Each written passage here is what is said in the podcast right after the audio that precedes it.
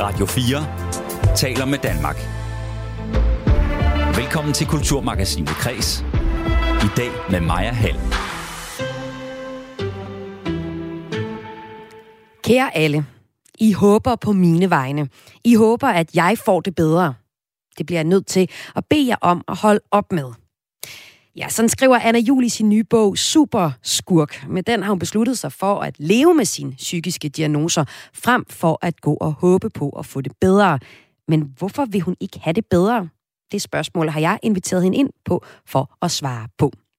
Og så skal det her i udsendelsen også handle om vores øh, fascination af vikinger. Vikings are preparing for an invasion. What do you intend to do? Fight. Et vikingefund i Hune er nemlig blevet omtalt i New York Times og i National Geographic. Og vikingetiden har det med at trække overskrifter. Og seere. Her var det for eksempel en trailer til hitserien Vikings. Vi skal senere i udsendelsen høre om det spektakulære fund af en hid til ukendt vikingehal. Og så er jeg nysgerrig på, hvorfor det er, altså, at sådan en drabelig periode i Danmarks historien fascinerer os så meget, som den gør. Det taler jeg med arkeolog Janette Warberg om senere i udsendelsen.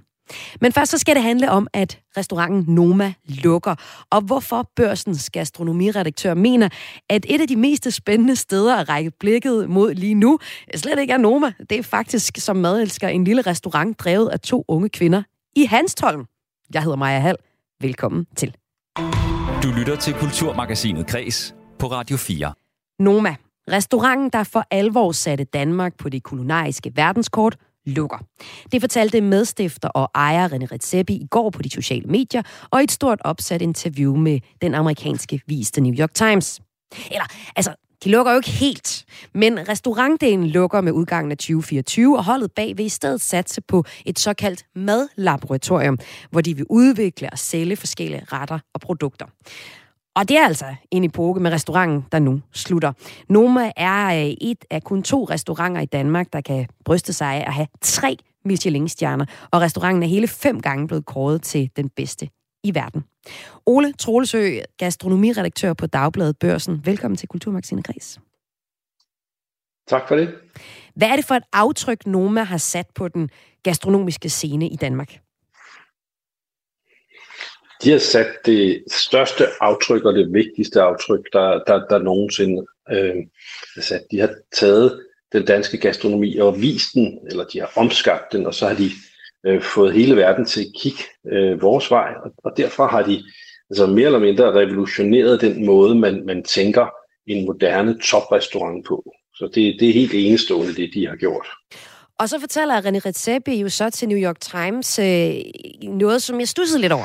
I forbindelse med, at han siger, at de lukker ned her med udgangen af 2024. Han siger, at gourmet-restauranter på allerhøjeste niveau har nået bristepunktet. At hvis man på en gang vil betale sin ansatte en færre løn, opretholde den høje standard og holde en pris, som markedet vil betale, så går regnestykket ikke op.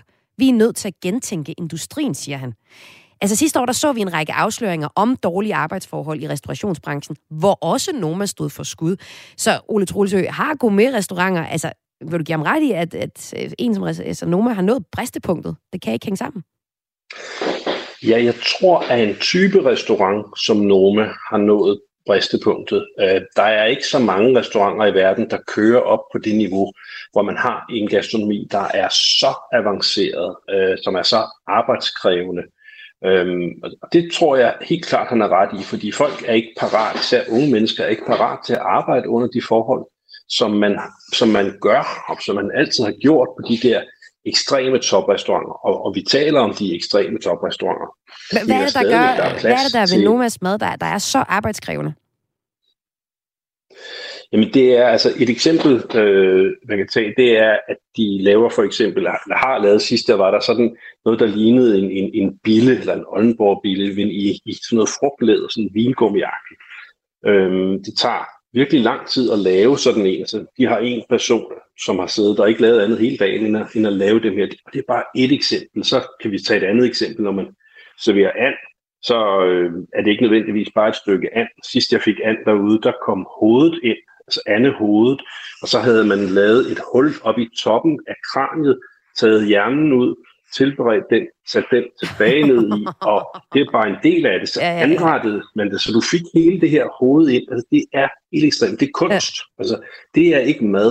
Det er gastronomisk kunst. Øh, så der har de ligesom trukket grænserne så langt man kunne øh, for det her. Ikke? Og ja, hvis man skal betale folk for at lave det, så, så, så er det svært at få det til at hænge sammen. Ja, og nogle af de folk, som man så skal betale, det er deres øh, slags øh, praktikanter, som er med til det. Men efter sager om dårlige arbejdsforhold, så begyndte Noma så at, at udbetale løn til de her øh, praktikanter. Øhm, prøv lige at fortælle, hvad er historien med dem? Historien er, at øhm, den, franske, øhm, den franske gastronomi, det er den, vi altid har spejlet os i. Det er den, der har drevet udviklingen. I Frankrig har man altid haft i gammel tid det, der hed, altså elever. Øh, ligesådan herhjemme, hvis du skulle være kok i gamle dage her, jamen så gik du i lære, og du fik ikke nødvendigvis løn for det. Øh, det har man så fået i nyere tid. Men det gamle system var, du giver din arbejdskraft gratis, og så lærer du til gengæld et fag. Det er byttehandlen. Øh, det er en byttehandel, som har været i, i mange brancher. Det har også været, øh, og, og er det stadigvæk i dag, at det er almindeligt, hvis man virkelig gerne vil, vil lære, øh, hvis man vil have en fod indenfor i en branche, jamen, så kan man gå hen og tilbyde sin arbejdskraft øh, gratis. Så der er ikke noget nyt i det. Det, der er nyt her, det er, at vi aldrig før har haft sådan nogle restauranter i Danmark, altså som var verdensberømte, og hvor folk strømmede til for at få lov at arbejde gratis, fordi at det var så værdifuldt for dem. Egentlig meget mere værd end at få penge i hånden og kunne sige, jeg har arbejdet på Noma. Og, og det har det er ikke Noma, der har opfundet den her måde. Det, det er, før dem var det El Bulli, som var verdens mest berømte restaurant i Norge før Noma, og hvor René Redzepi også var nede at arbejde. Der havde man den der øh, stagiaire, øh, som det hedder, system. Mm. Og det er jo så altså dem, der er, man har begyndt at betale løn og med i hele Noma-regnskabet, hvor det er ekstremt kompliceret at lave en ret, hvor man tager hjernen ud af andehovedet og tilbereder og putter tilbage igen så hænger ja, det simpelthen økonomisk ikke sammen. Så det betyder jo så, at Noma øh, drejer nøglen om på deres restaurant med udgangen af 2024. Og med at restauranten lukker, så er det jo en ære, der slutter. Men jeg ved, at du som astronomiredaktør mener, at hvis man vil se på fremtiden på den danske restaurationsscene, ja, så skal man faktisk alligevel se helt andre steder hen. For eksempel mod Hanstholm. Hvad der sker i uh, Hanstholm lige nu, Ole?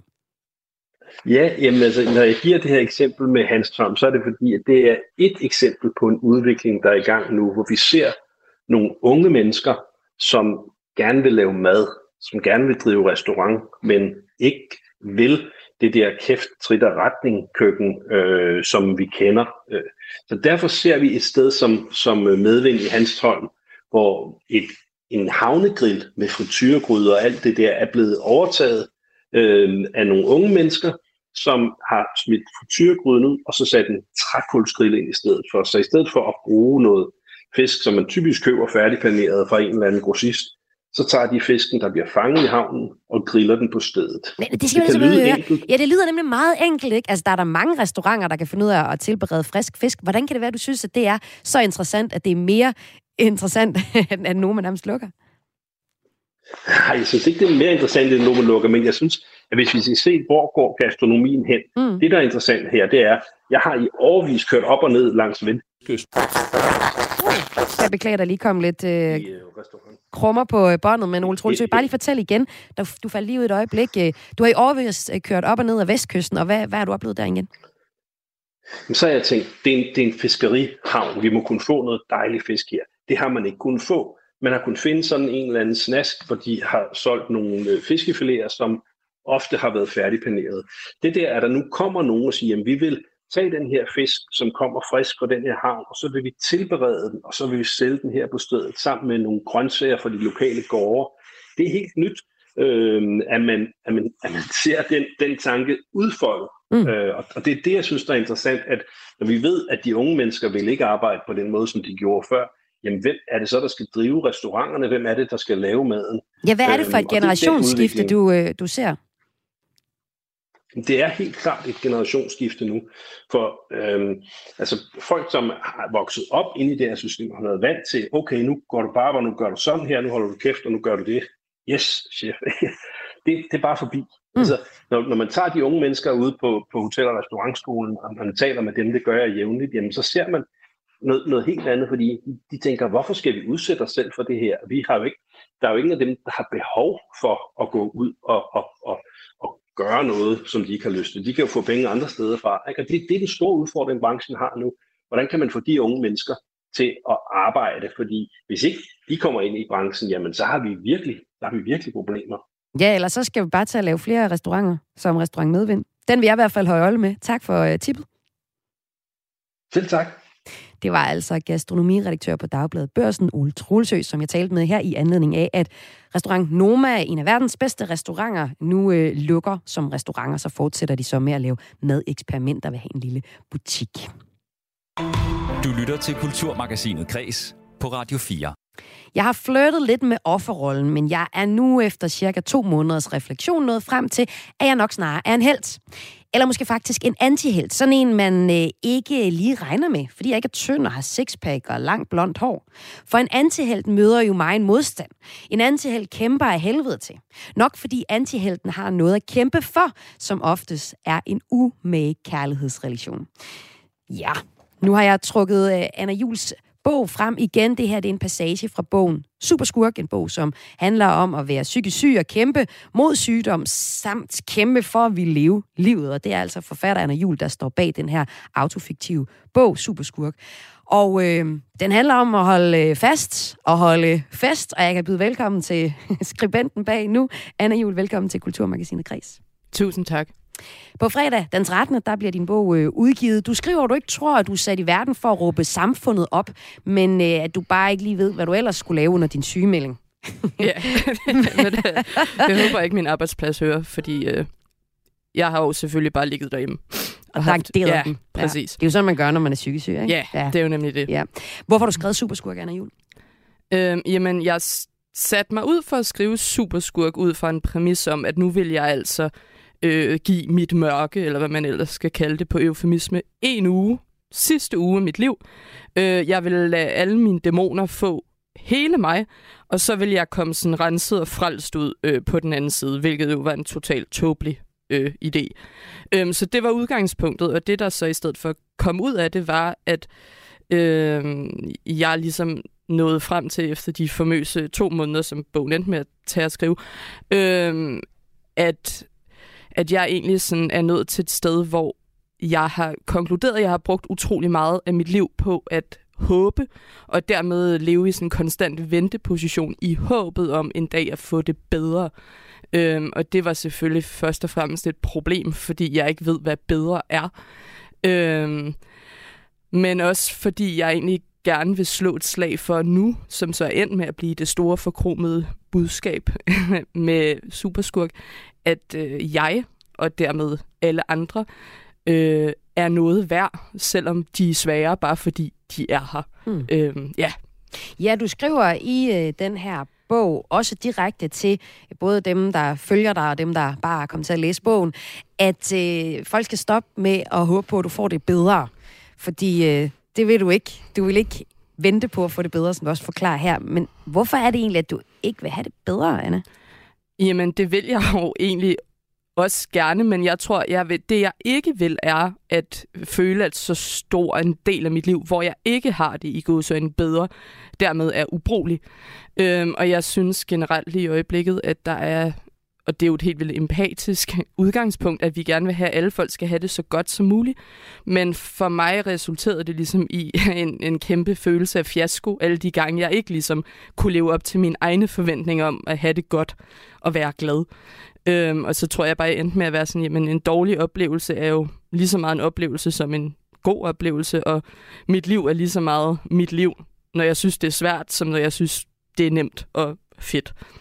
Og i din øh, bog Superskurk, der øh, er der sådan en, øh, ligesom en, en episode, du skriver op til, en 30-års fødselsdag, som skal forberedes, og som ligesom eksemplificerer, hvordan at øh, du, din hovedperson her i, gerne vil have det helt vildt godt og sige, jeg har det fedt, jeg vil have tusind mennesker til en kæmpe fed fest, og så sådan tankerne omkring det. Måske vil du prøve lige at læse lidt øh, fra, fra de her forberedelser til min fødselsdagsfest, som er første kapitel i bogen.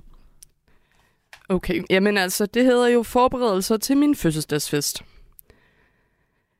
De lever mig lige op i mit åbne ansigt, folkene, og nu har jeg tænkt mig at leve lidt igen. For jeg fylder forhåbentlig snart 30, hvilket er derfor, jeg udtaler mig. Det er min adkomst. For med alderen får man nyt perspektiv på tilværelsen, og det er dette det nye perspektiv, jeg hermed udnytter til at holde en overdådig fødselsdagsfest for tusind af de mest prominente danskere, der findes. Så skal jeg rigtig vise dem, hvordan man lever, hvilket klart er blevet lettere efter, at man er begyndt at få voksenløn. Min fødselsdag falder mere præcist om fem måneder – man kan i sagens natur aldrig vide, om man rammes af en bus, styrter ned med et fly, bliver koldblodigt myrdet, for en tagsten i hovedet, en spontan blodprop i hjertet, eller slet og ret bare bliver så deprimeret, at man slet ikke gider at holde fødselsdagsfest alligevel. Men selve fødselsdagen er efterhånden så meget inden for rækkevidde, at jeg nok ikke kan nå at dø af kraft inden, hvilket er min go-to-frygt lige i øjeblikket. Eller, man ved selvfølgelig aldrig, for i går fandt man en knude i min mors bryst, og det kan jo sprede sig og gå stærkt det stads, hvis det altså er kræft. Jeg hørte om en, hvis mor døde i løbet af en uge, men jeg har på fornemmeren, at jeg når at fylde 30. Det er uvandt, for jeg har altid tænkt, at jeg vil blive først 21, så 23 og til sidst 27. Jeg tænkte, at jeg skulle dø af selvmord, men pludselig forsvandt planerne. Det var velkomment, for jeg var paradoxalt nok mere bange for at dø, dengang jeg planlagde at dø, end jeg er nu, hvor jeg er gået i gang med planlægningen af min overdådige fødselsdagsfest i stedet, nok fordi jeg troede, at jeg var glad. Nu er jeg ikke så sikker længere. Jeg føler mig ikke specielt glad. Til gengæld føler jeg, at der ikke må komme politikere til min fødselsdagsfest, fordi de er kedelige og går mere op i at sprede budskaber, end i at sniffe coke og høre Casey. Eller måske må Lars Lykke godt komme, ham har jeg altid haft et godt øje til. I nat drømte jeg desuden, at jeg spiste middag med Kim Kardashian. Hun gav ikke, men hun må stadigvæk gerne komme til min fødselsdagsfest. Jeg drømte også, at min mor døde. Og øh, det, vi øh, hører her i Kulturmagasinet Kreds, det er Anna Jul, der læser op fra Superskurk, en øh, bog, der udkommer her på fredag. Og Anna, det er så grotesk, for jeg står virkelig og griner af det, du læser op, selvom det er jo handler om, hvis ikke jeg dør af selvmord øh, inden. Altså, det er jo super barsk. Men det vil jeg gerne spørge dig mere om, men jeg vil også gerne høre dig. Hvorfor er det egentlig, at bogen her, den centrerer sig om en forberedelse til en 30-års fødselsdagsfest? Hvad er det, der er på spil i forhold til det? Jamen, øh, det, det, det er jo bare meget taget ud af mit eget levet liv. Øh, jeg blev 30 her den 28. december, og da jeg skrev bogen, så fyldte det rigtig meget, at jeg skulle fylde 30. Måske fordi jeg har haft en eller anden idé om, at, at det at træde ind i et nyt årti også vil være sådan en mulighed for at kunne lægge ja, dæmoner eller mørke bag sig. Og så var det en, en benhård awakening om, at øh, nissen øh, nok øh, bare flyttede med og fandt en ny form. Øh, men det er der på en måde også nyhedens interesse i, at man kan gå ud og få nogle nye øh, traumer eller dårlige oplevelser. Ja, og alt når du fortæller om din, og sådan har det været igennem hele dit forfatterskab, så har du den her morbide tilgang til din egen sygdom. Og jeg ved, at du nogle gange oplever, at folk de øh, tænker, at hvis du kan have det så sjovt, så kan du ikke være rigtig syg. Prøv lige at uddybe det. Jamen, øh, jeg tror i hvert fald, at det er et, øh, som jeg i hvert fald i bagklodskabens ulideligt klarlys kan se er blevet en form for budskab i Superskurk, det er, at øh, jeg gerne vil slå et slag for, at sygdom, og derunder også psykisk sygdom, kan se ud på sindssygt mange forskellige måder, alt efter hvem man er. Øhm, og at, som faktisk ikke for at give for mange spoiler, men øh, der er en sætning på et tidspunkt til sidst henad i bogen, øhm, som går i retning af, at øh, nu vil jeg gå tilbage til at gøre det, jeg er bedst til, nemlig at grine, mens jeg er ulykkelig. Mm. Øhm, så for mig, og det er egentlig ganske banalt, men grådet og grinet hænger ret meget sammen i min verden. Og det går måske også meget fint i tråd med, at folk ofte kalder min humor for en slags forsvarsmekanisme. Og det var jeg altid fucking træt af. Men til sidst var jeg sådan, I har jo ret. altså det, at jeg kan grine, har gjort, at jeg stadigvæk er her. Ja. Øh, men jeg vil til gengæld godt øh, bede om at holde kæft med, at det er et problem. Mm. Ja, og du vil jo faktisk gerne bede en hel masse mennesker om en hel masse ting, både holde kæft og forstå, hvad du siger, og du skriver også i din bog, at du faktisk er pisse sur og har noget på hjerte. Og det er jo nyt fra dig, fordi når jeg har talt med dig før, øhm, så har du været sådan, jeg gider ikke være post-it girl for psykisk sygdomme. Jeg har bare en med nogle diagnoser, som skriver, og det er jeg fucking god til. Hvad er det, der gør, at du nu faktisk stiller dig op i øh, deadline, i debatten, eller hvor end folk de faktisk gerne vil høre om, hvordan det er at være psykisk syg, og synes, at systemet har overset en hel sektor? Jamen, der er jo selvfølgelig et perspektiv i det, som hedder, at man kan tjene gode penge på at holde foredrag. Ej, øh, spøj til side. øh, jeg tror af en eller anden underlig årsag, at jeg faktisk har øh, skammet mig lidt om at, at, over at gå op i noget og mene noget om noget, fordi det på en eller anden måde vil betyde, at jeg anså mig selv som en form for ekspert på området, som andre folk skulle lytte til. Øh, men her i løbet af særligt de sidste par år har jeg både kvæg min øh, Instagram-profil og folk, der generelt henvender sig til mig, oplevet noget så fantastisk som, at nogen faktisk rent godt kan bruge noget, jeg har at sige til noget. Øhm, så jeg tror, at for mig har det været sådan en ret vild ting at stå ved, at man mener noget. Og jeg synes, det mest uhyggelige ved at skrive Superskurk er den passage øh, til sidst i bogen, hvor jeg ja, erklærer, at jeg er pisse sur over rigtig mange forskellige ting. Øhm, fordi jeg egentlig har tidligere godt kunne lide ideen om, at folk ikke rigtig vidste, hvor jeg stod henne. Men mm. nu er det sådan, I må godt vide, hvor jeg står, og jeg står her. Ja. Ja, og, og når man synes noget og mener noget, så er det jo også tit, fordi man egentlig gerne vil flytte noget. Om et øjeblik, så øh, skal vi høre fra en forsker i litteratur og en fra øh, en, der underviser på medicinstudiet i København, om hvordan at øh, psykisk sygdom er blevet beskrevet i litteraturen, og om hvordan man underviser både på Syddansk Universitet, på medicinstudiet i København, i øh, hvordan det er at have psykisk sygdom, altså i litteratur, øh, der beskriver det. For eksempel kunne Superskurk meget vel komme på deres pensumliste. Hvordan har du med det? Øh, jamen, det har jeg det jo fantastisk godt med. Øh, jeg synes, det er virkelig mærkeligt. Hvert øh, år omkring sommer bliver jeg kontaktet af 9. klasser, som har fået til opgave at analysere min øh, første bog. Øh, så der er jo både sådan noget ret Altså penge og bacon? Øh, nej, den øh, digtromanen, jeg bruger min krop som et møbel, mm. øh, hvilket de ikke kan få særlig mange svar ud af mig, for jeg ved heller ikke rigtigt, hvad den betyder. Øh, men det er øh, jo ret en ret direkte måde at vide, at det, man har skrevet, rent faktisk bliver læst og bliver brugt til noget. Øhm, derudover vil jeg også sige, at ja, det ikke er, Superskurk ikke rocket science. Der er tusindvis af andre, der har skrevet sig ind i det, man noget nedsættende kalder sygdomslitteraturen. Øhm, men, men det er egentlig også en del af bogens pointe, at når der jo er så mange, der har snakket så længe om, hvor skidt det står til i psykiatrien, og der bare ikke er noget nævneværdigt, der er sket på området i de sidste 25 men, år. Men er der ikke det? Altså, vi har lige haft en valgkamp, hvor øh, psykiatrien der fyldte en hel del. Jamen, og det er faktisk, øh, det, det var derfor, det er virkelig svært at skrive noget, der er aktuelt. Øh, fordi jeg, jeg oplevede jo egentlig også, at der i løbet af det sidste år er kommet vældig meget mere fokus på både mistrivsel og på psykisk sygdom, eller psykiatrien. Øhm, men, men jeg vil bare sige, at man jo før har oplevet, at noget har stået på et stykke papir, øh, uden nødvendigvis at blive ført ud i livet. Så jeg håber da, at Superskurk kan være et meget lille forsøg på at holde nogen til ilden, og ikke øh, glemme psykiatrien igen, selvom den måske ikke lige pt. er en politisk hot potato på øh, lige fod med andre emner. Mm. Og øh, Anna, inden jeg, øh, eller den, dig, den hotte potato, øh, smutter videre, så vi kan snakke mere om sygdomslitteratur, øh, det grimme ord, synes du det er, øh, så kunne jeg simpelthen lige høre dig, altså nu hedder den her bog jo Superskurk, ikke? Jo. Og øh, Nå, superskurk er jo nogle gange lidt træls at være, fordi at de bliver jo tit besejret, øh, medmindre der kommer en, øh, en 2, en 3 og en 10'er, som der selvfølgelig også gør rigtig mange gange. Men i Disney-film, Adventures-film, øh, i James Bond-film, så, så dør superskurken jo ultimativt til sidst. Når du kalder dig selv for superskurk, er det så et udtryk for, at du har besejret dig selv, eller, eller skal besejres? Øh, nej, men jeg tror måske, på, på sin vis, så har jeg jo vel besejret superskurken, når jeg ender med at konkludere, at jeg faktisk er en antihelt. Øh, men jeg tror, projektet har i lige så høj grad været at forsøge at slutte fred øh, med superskurken. At, at prøve at acceptere, at den måske godt kan eksistere i mig nogle gange, men at der også er alle mulige andre ting i mig nogle andre gange. Øhm, så jeg siger også på et tidspunkt i bogen, at mit mål er egentlig ikke at besejre dragen, øh, men at slutte en form for fred med dragen, og måske få et forhold til dragen lidt, eller det man har til sin perifære familie, øh, som man måske ser til en julefrokost en gang om året, men ellers ikke har nævneværdig kontakt med. Sådan vil jeg have det øh, fint med min indre superskurk. Og det synes jeg er et godt budskab at give videre. Jeg tror godt, jeg kunne øh, slutte fred med nogle drager i mit liv i hvert fald også. Anna Jul, tusind tak, fordi du var med her i Kulturmagasinet Kris. Selv tak. Altså forfatter til bogen Superskurk, der blev udgivet på fredag den 13. af forlaget Lindhardt og Ringhof.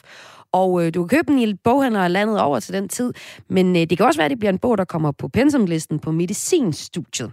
Vi bliver her i Kulturmagasinet Kreds lidt ved bøger, hvor øh, forfattere skriver om psykisk sygdom, og hvor medicinstuderende på et tidspunkt måske skal læse det. Du lytter til Kulturmagasinet Kres på Radio 4. Nu skal vi øh, nemlig se nærmere på det. Vi skal høre en litteraturforsker, der fortæller om, hvor at øh, psykisk sygdom bliver beskrevet allerbedst i litteraturen. Men først skal vi høre, hvordan film og skønlitteratur har snedet sig ind på medicinstudiet. På medicinstudiet i København startede det for seks år siden som et tilvalgsfag, men nu ser det ud til at blive obligatorisk, ligesom det er på medicinstudiet på Syddansk Universitet. Og det er godt, for selvom du som kommende læge eller psykiater kan alle diagnoserne udenad, har tjek på dem, så har du brug for at forstå, hvordan det er at have dem. Det mener overlæge ved Bispebjerg Hospital og professor ved Københavns Universitet, Michael Kær, der står bag tilvalgsfaget etiske dilemmaer inden for medicin, lægens rolle belyst gennem litteratur og film, som jeg har talt med herinde udsendelsen. Det er vigtigt, at øh, læger forstår sygdom, også gennem andet end lærebøgerne. Og øh, litteraturen kan noget helt specielt.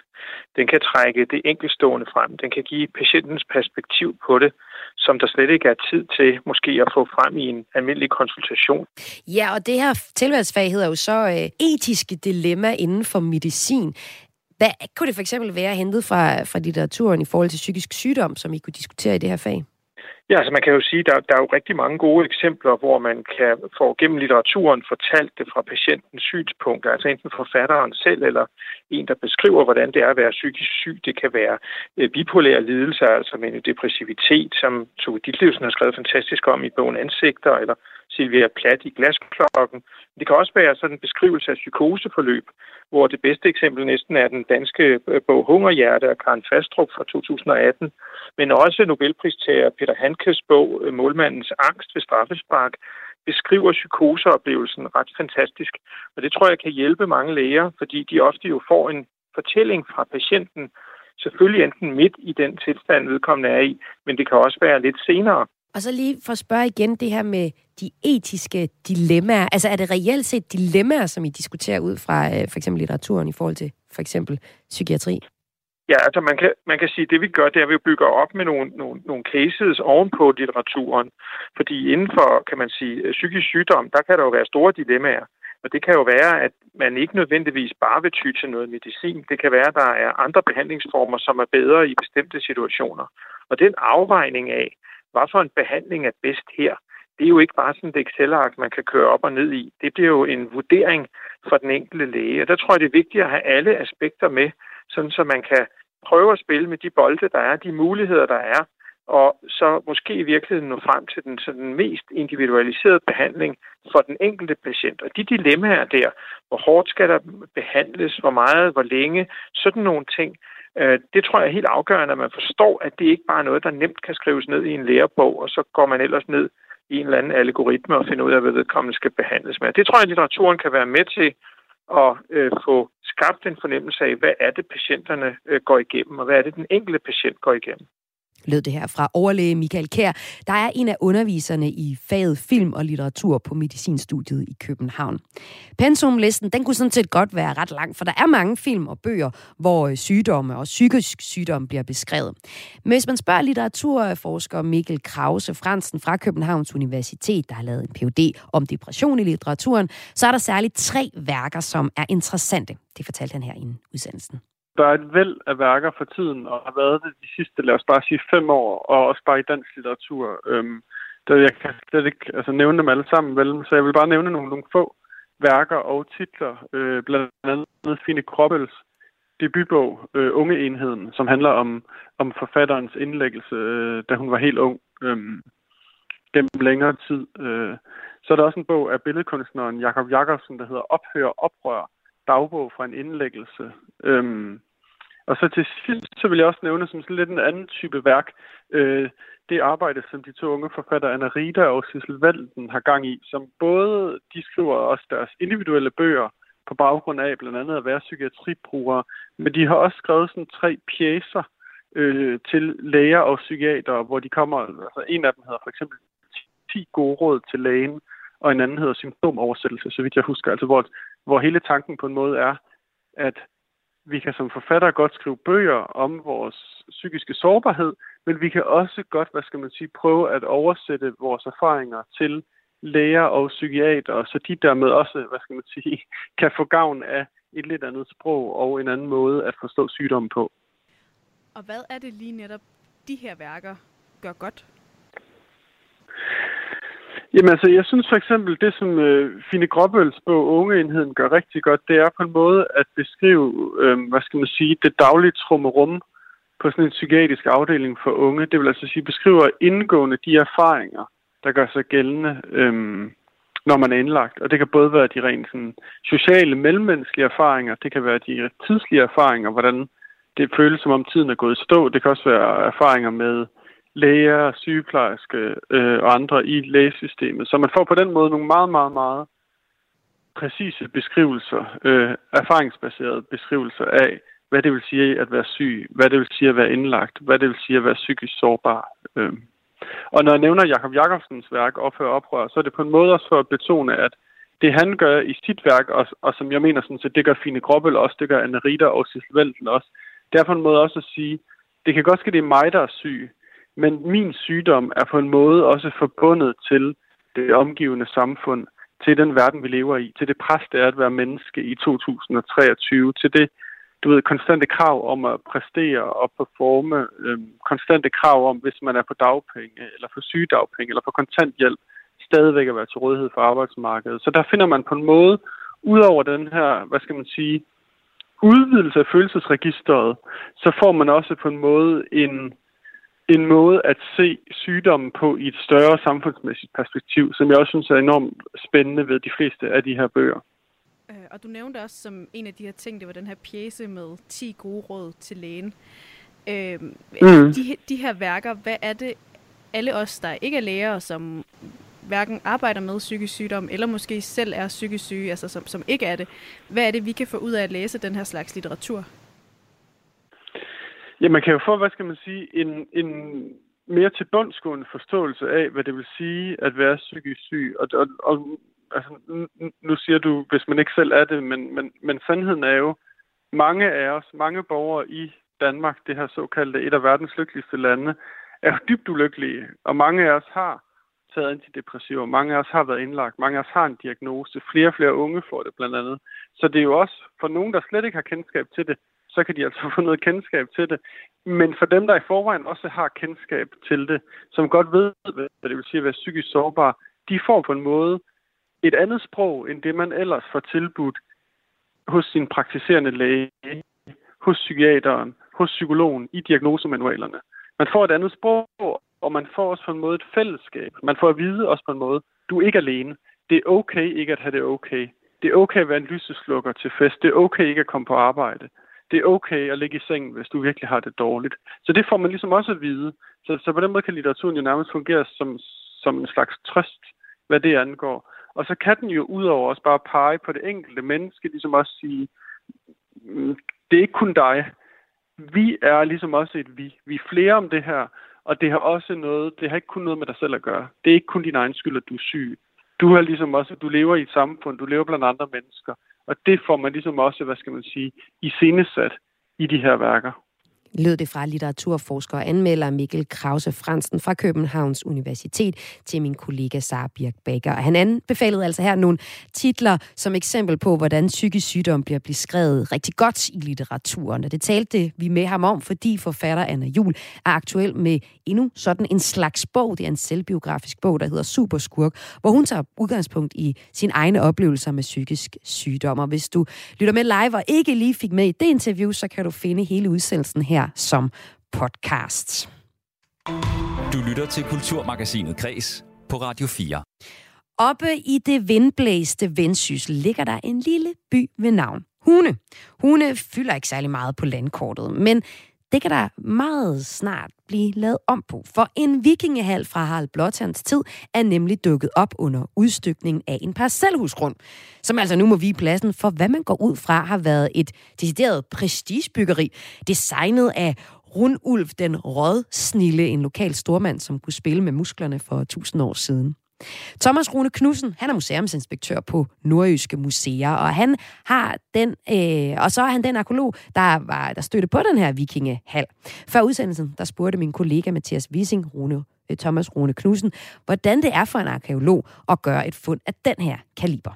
Det var jo øh, en kold novemberdag sådan set i Hune, øhm, og jeg mødte jo bare op der som, altså, som en ganske almindelig øh, dag for mig sådan set, hvor jeg egentlig bare skulle ud. Vi vidste, der var noget i området, det var sådan en lille øh, matrikel, et lille hus, der bygges, og vi havde det ved at lave nogle søgegrøfter, altså nogle render ved undergrunden øh, for et par år siden.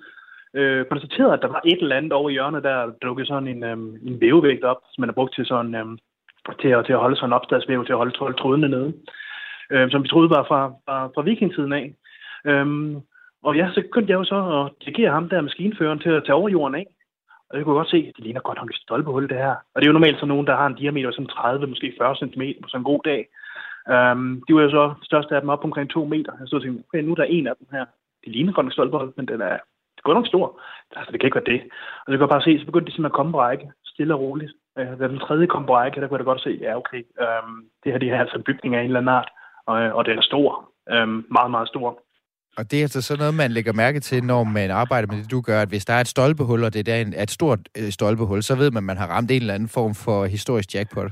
Så ved vi, øh, ja, at man har fat i et eller andet interessant allerede der. Øh, og jeg, jeg kunne jo, altså det kan jeg tog hjem, øh, der på første dagen, der kunne jeg jo godt se, at øh, jamen, altså, jeg, havde, jeg havde noget interessant at fortælle kollegaerne, så at sige. Ikke? Altså, øh, jamen, altså, vi stod med en eller anden enorm halvbygning af en eller anden art.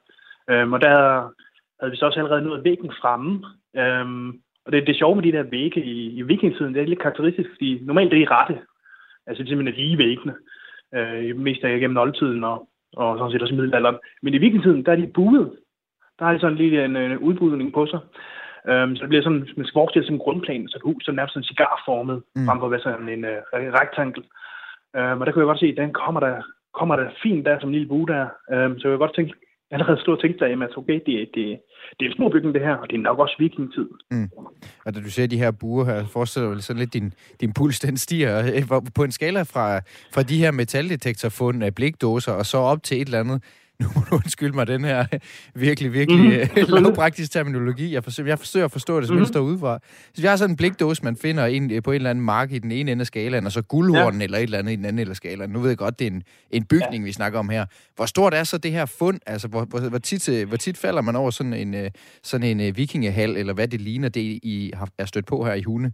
Altså, det er jo ikke alle fund nogensinde, der kommer til at finde sådan noget. Øhm, det er det godt nok heller ikke, og det er også noget, det, det største er sådan noget, der vi har fundet længe. Ikke? Altså, øhm, Altså, jeg vil jo sige, altså, hvis man ser den på fra 1 til 10, ikke, for at være lidt lavpraktisk, altså, så er vi oppe på en 8-9 stykker, vil jeg mene. Ikke? Altså, vi mangler sådan lige øh, at få det udgravet og finde.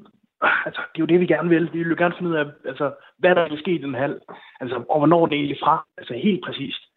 Um, så, så vil jeg sige, så begynder vi deroppe, og vi er virkelig oppe og, op ringe, ikke? Og så, og så og, og vender tilbage til, hvad det ellers kunne minde om af, af andre tilsvarende mm. historiske bygninger. Men, jeg ved, altså, I kan, sådan, uh, I kan sådan gætte lidt på allerede nu, at den må have været op mod 40 meter lang, cirka 8-10 meter bred. Uh, de her egetræsstolper, som du beskriver, uh, ja. altså, har der været uh, en, nogle stykker af, som virker til, at det er altså ikke bare et gennemsnitligt hus. Uh, det, er, det er mere end det. Altså, hvad kan I sige om, hvad det virker til at være for en slags uh, bygning, vi har med at gøre? Jamen det er det, altså de der er enorme, øh, hvad den hedder, stolpehuller, der de er jo op til to meter i bredden. Øhm, og i nede ved stolpehuller, der kan vi se aftegningerne, altså plankerne, øh, plankesporene.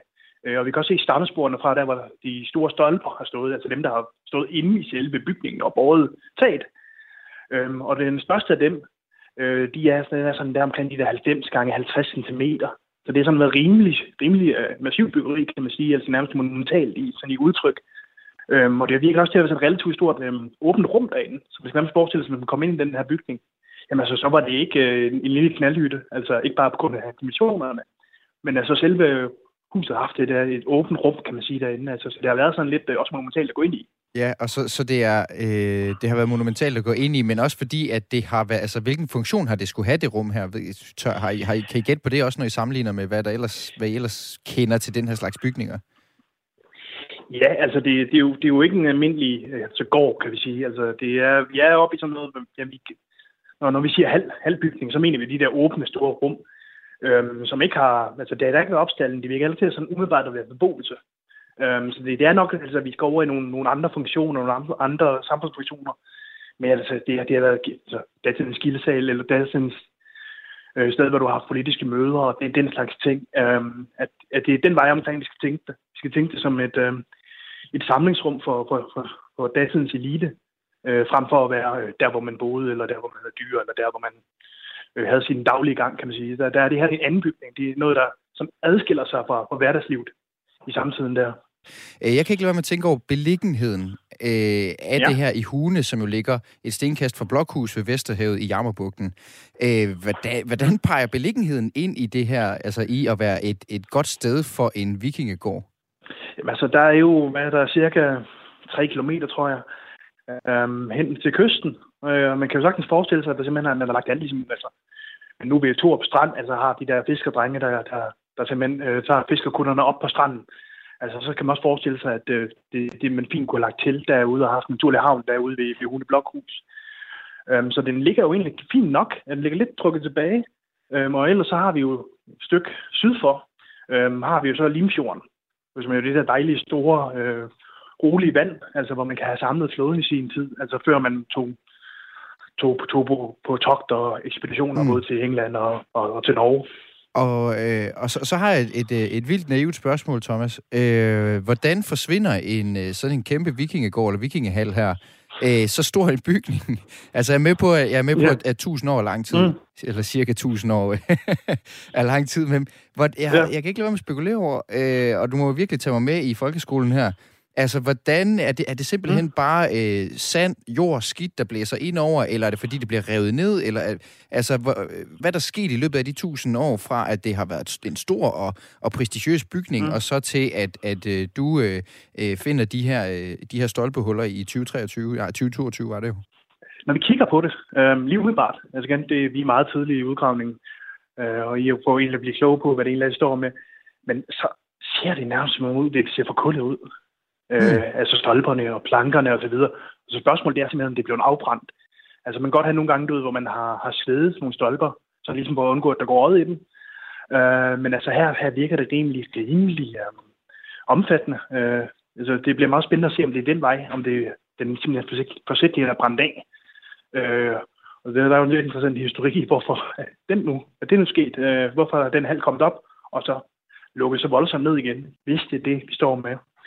Øhm, men ellers lige for at svare lidt på de spørgsmål, jamen altså, så er den jo gået, gået tabt, kan man sige. Det er den jo sådan set også for os arkeologer. Men altså, det, det, det er nyt for os ikke, at, at, at der egentlig kommer det her vigtighedsmiljø derude. Så det, altså, altså hun er kommet lidt på, på Danmarks kort, i hvert fald kom på, og i hvert fald kom på, på, på kortet hos os, øhm, som et eller andet miljø, som vi, vi tidligere ikke har været bevidst på. Ja, den der lille flække i vendsyssel, den, øh, den træder altså virkelig karakter her med, med måske at have haft sådan en, øh, sådan en vikingegård. Øh, her til sidst, så vil lige høre dig, den der runesten, som står inde i Hune Kirke, øh, som er rejst, hvor, hvor der er en beretning om Runulf den Rødsnille. Et fantastisk navn, jo må man ja. sige. Altså, hvad ved vi om ham, som vi måske øh, tør spekulere i, har en eller anden forbindelse til netop den her, den her vikingehal, som, som altså er dukket op? Vi ved egentlig ikke så meget om den, udover at, øh, at tidsperioden kunne passe midten. den. Øh, og det er det samme sociale lag, der med at gøre. Det, han er, lidt, er ligesom en ny aktør, der ligesom kommer ind der, som vi ikke rigtig har haft har fokus på før. Øh, som kunne gå ind og ville blive lidt interessant øh, i forhold til, til den tidsperiode der lød det her fra Thomas Rune Knudsen, der er museumsinspektør på Nordiske Museer og ledende arkeolog for udgravningen i Hune. Uanset hvad, så er det jo ikke hvad som helst, man får rejst en runesten i sit navn. Eller for den sags skyld en vikingehal, som det er gældende her. Så alt den lige, så er der meget, der tyder på, at vi er helt oppe i samfundseliten anno 1000-tallet med det her fund i Vendsyssel. Og nu har jeg hul igennem til endnu en museumsinspektør og arkeolog. Du er bare til på Nationalmuseet i Janette Warberg. Velkommen til dig. Tak skal du have. Du øh, holder lige nu en række fra foredrag om netop vikinge tiden. Kan du ikke lige tage mig med ind i sådan en vikingehal her? Hvordan ser der ud? Altså, hvad lugter der af? Hvad er det for noget, øh, vi har med at gøre her? Men det er jo en stor bygning, og, og det er jo også det, som, som der så fint bliver beskrevet her fra Nordjylland, at det er, det, vi er oppe i et socialt lag, hvis man kan sige det på den måde, hvor det ikke er en kongehal, men det kan godt være en høvdingshal. Hmm. Så den er stor, og det er det sted, hvor man repræsenterer familien og slægten og området i den hal. Så ud over at være beboelse for den her, lad os kalde det en høvdingefamilie, så øh, kan, er det også et sted, hvor man øh, modtager gæster, måske andre steder fra, fra andre landsdele, måske udenlandske gæster, hvis man, man øh, på nogen måde handler med nogen. Man kan også have religiøse fester derinde. Mm. Så det er sådan, man skal forestille sig sådan et, et stort rum med en bullerne lange ild, hvor der bliver holdt nogle gode fester, og øh, hvor folk samles. Og det er fund, det er blevet omtalt i uh, The New York Times og i National Geographic.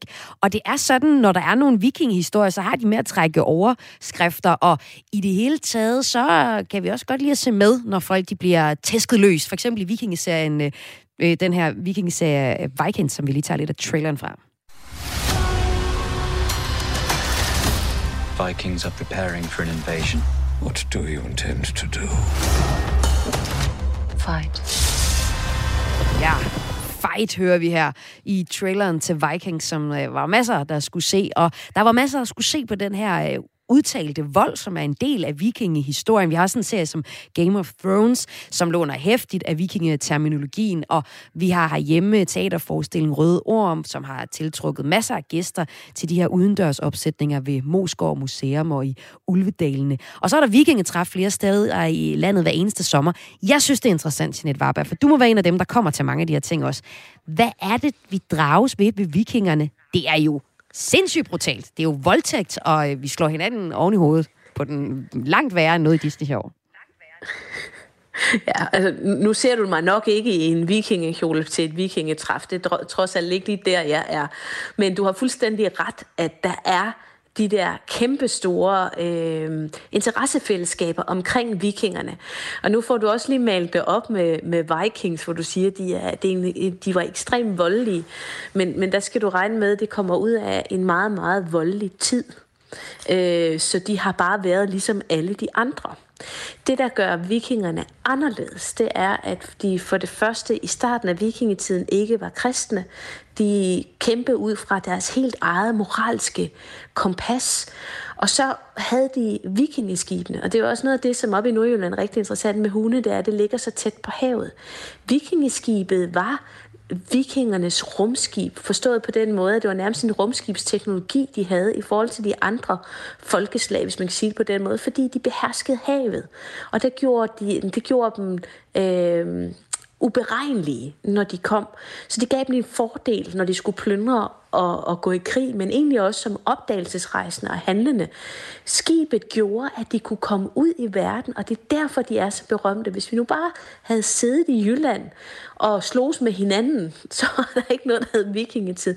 Men fordi vi kom ud og, og, og lavede et aftryk på verdenshistorien, så er det lige pludselig noget helt andet. Mm. Og så er vikingerne enormt inter- interessante. Og det er jo fedt det med at lave et aftryk på verdenshistorien. Det kan jeg godt lide, og der kan jeg godt være, være stolt. Men det var også et aftryk, der sådan et meget fysisk aftryk, vi, øh, vi satte, når vi øh, tog ud og plyndrede og, øh, og voldtog, som altså også er en del af vikingetidens historie. Jeg tænker bare, er det fordi, vi er sådan et lille, undskyld mig, pisland, Danmark, at vi bliver nødt til at grave i vores historie for at finde noget, hvor der er sådan lidt ekstremt og sådan øh, hyperfeminint og hypermaskulint, som også hører til vikingernes historie?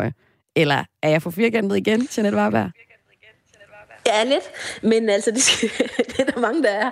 Men man kan sige, at, at, øh, at plyndringerne er kun en del af historien. Altså, det starter jo med plyndringer med ændre med store erobringskrige. Og, og det var ligesom den verden, det var. Enten så erobrede du, eller så blev du erobret. Men det, som jeg synes, der måske er allermest interessant med vikingerne, det er ikke så meget, at, at alle de krige, de udkæmpede, men det er blandt andet, nu siger med mænd og kvinder. Altså kvinder havde faktisk en, en, en ret betydelig rolle i vikingetiden, kan vi se. Altså de havde øhm, øh, også mulighed for at tale i offentlige rum, og havde en ret friere stilling. Så det er interessant. Og så har du også det her med, at, at vikingerne, de kom altså hele vejen til Amerika, næsten 500 år før Columbus, på grund af de her vikingeskibe det har jo været noget med, med vold, blod eller død at gøre, men ren og skær entreprenant oplevelsestrang, der drev dem ud over et af de farligste oceaner, vi har på jorden, for at nå hele vejen over til Kanada.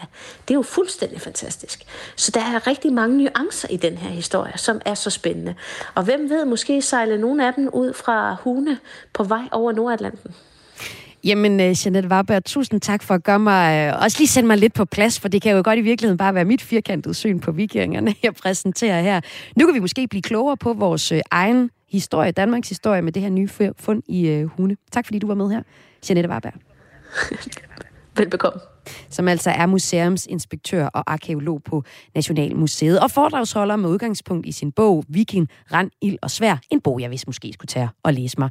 Ellers så kan jeg tage ind og opleve hende kl. 19 i aften på Nørrebro Teater, eller senere i Odense, Aarhus, Aalborg og Roskilde i Dryp hen over foråret.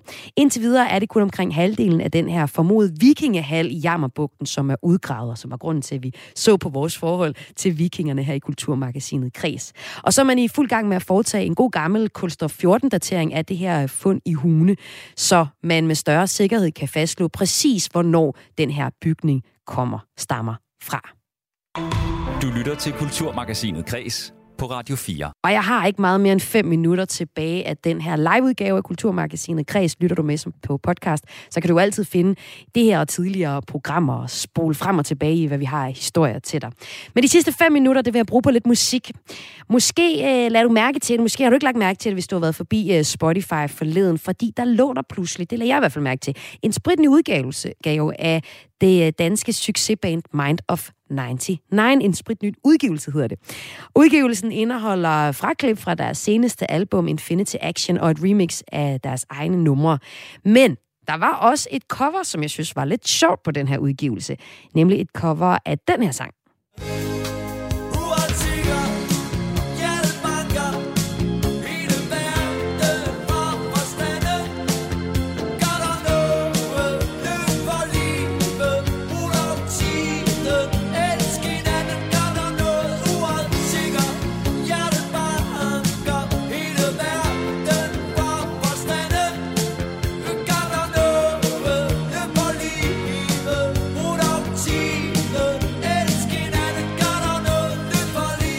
Det her det er selvfølgelig TV2-klassikeren Hele verden fra forstanden fra 1986. Minds of 99's version, den er oprindeligt blevet brugt som titelmelodi til TV2-serien Alpha fra 2020, og den synes jeg, vi skal slutte udsendelsen af med her. Altså fra uh, Minds of 99's øh, uh, surprise-album øh, eller EP, en lille bitte mix af seks numre, hvor der er lidt remixe fra noget af deres seneste album, og så altså også det her cover-nummer af TV2, som hedder Hele Verden fra Forstanden, og her er det i Minds of 99's udgave, du får her i Kulturmagasinet Kris. Denne himmel, disse øjne, denne svimlende længsel efter noget, dette glimt af gensyns glæde, med det øjeblik, som lige er gået,